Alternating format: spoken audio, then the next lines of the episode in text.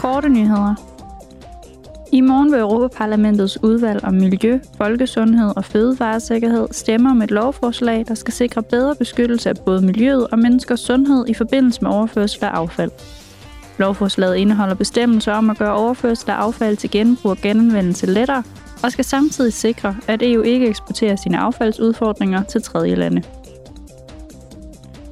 I morgen vil parlamentets udvalg om konstitutionelle anlæggende vedtage en række forslag, der skal sikre EU-borgernes ret til at stemme og stille op til valg til Europaparlamentet, selvom de bor i et andet medlemsland end deres oprindelige.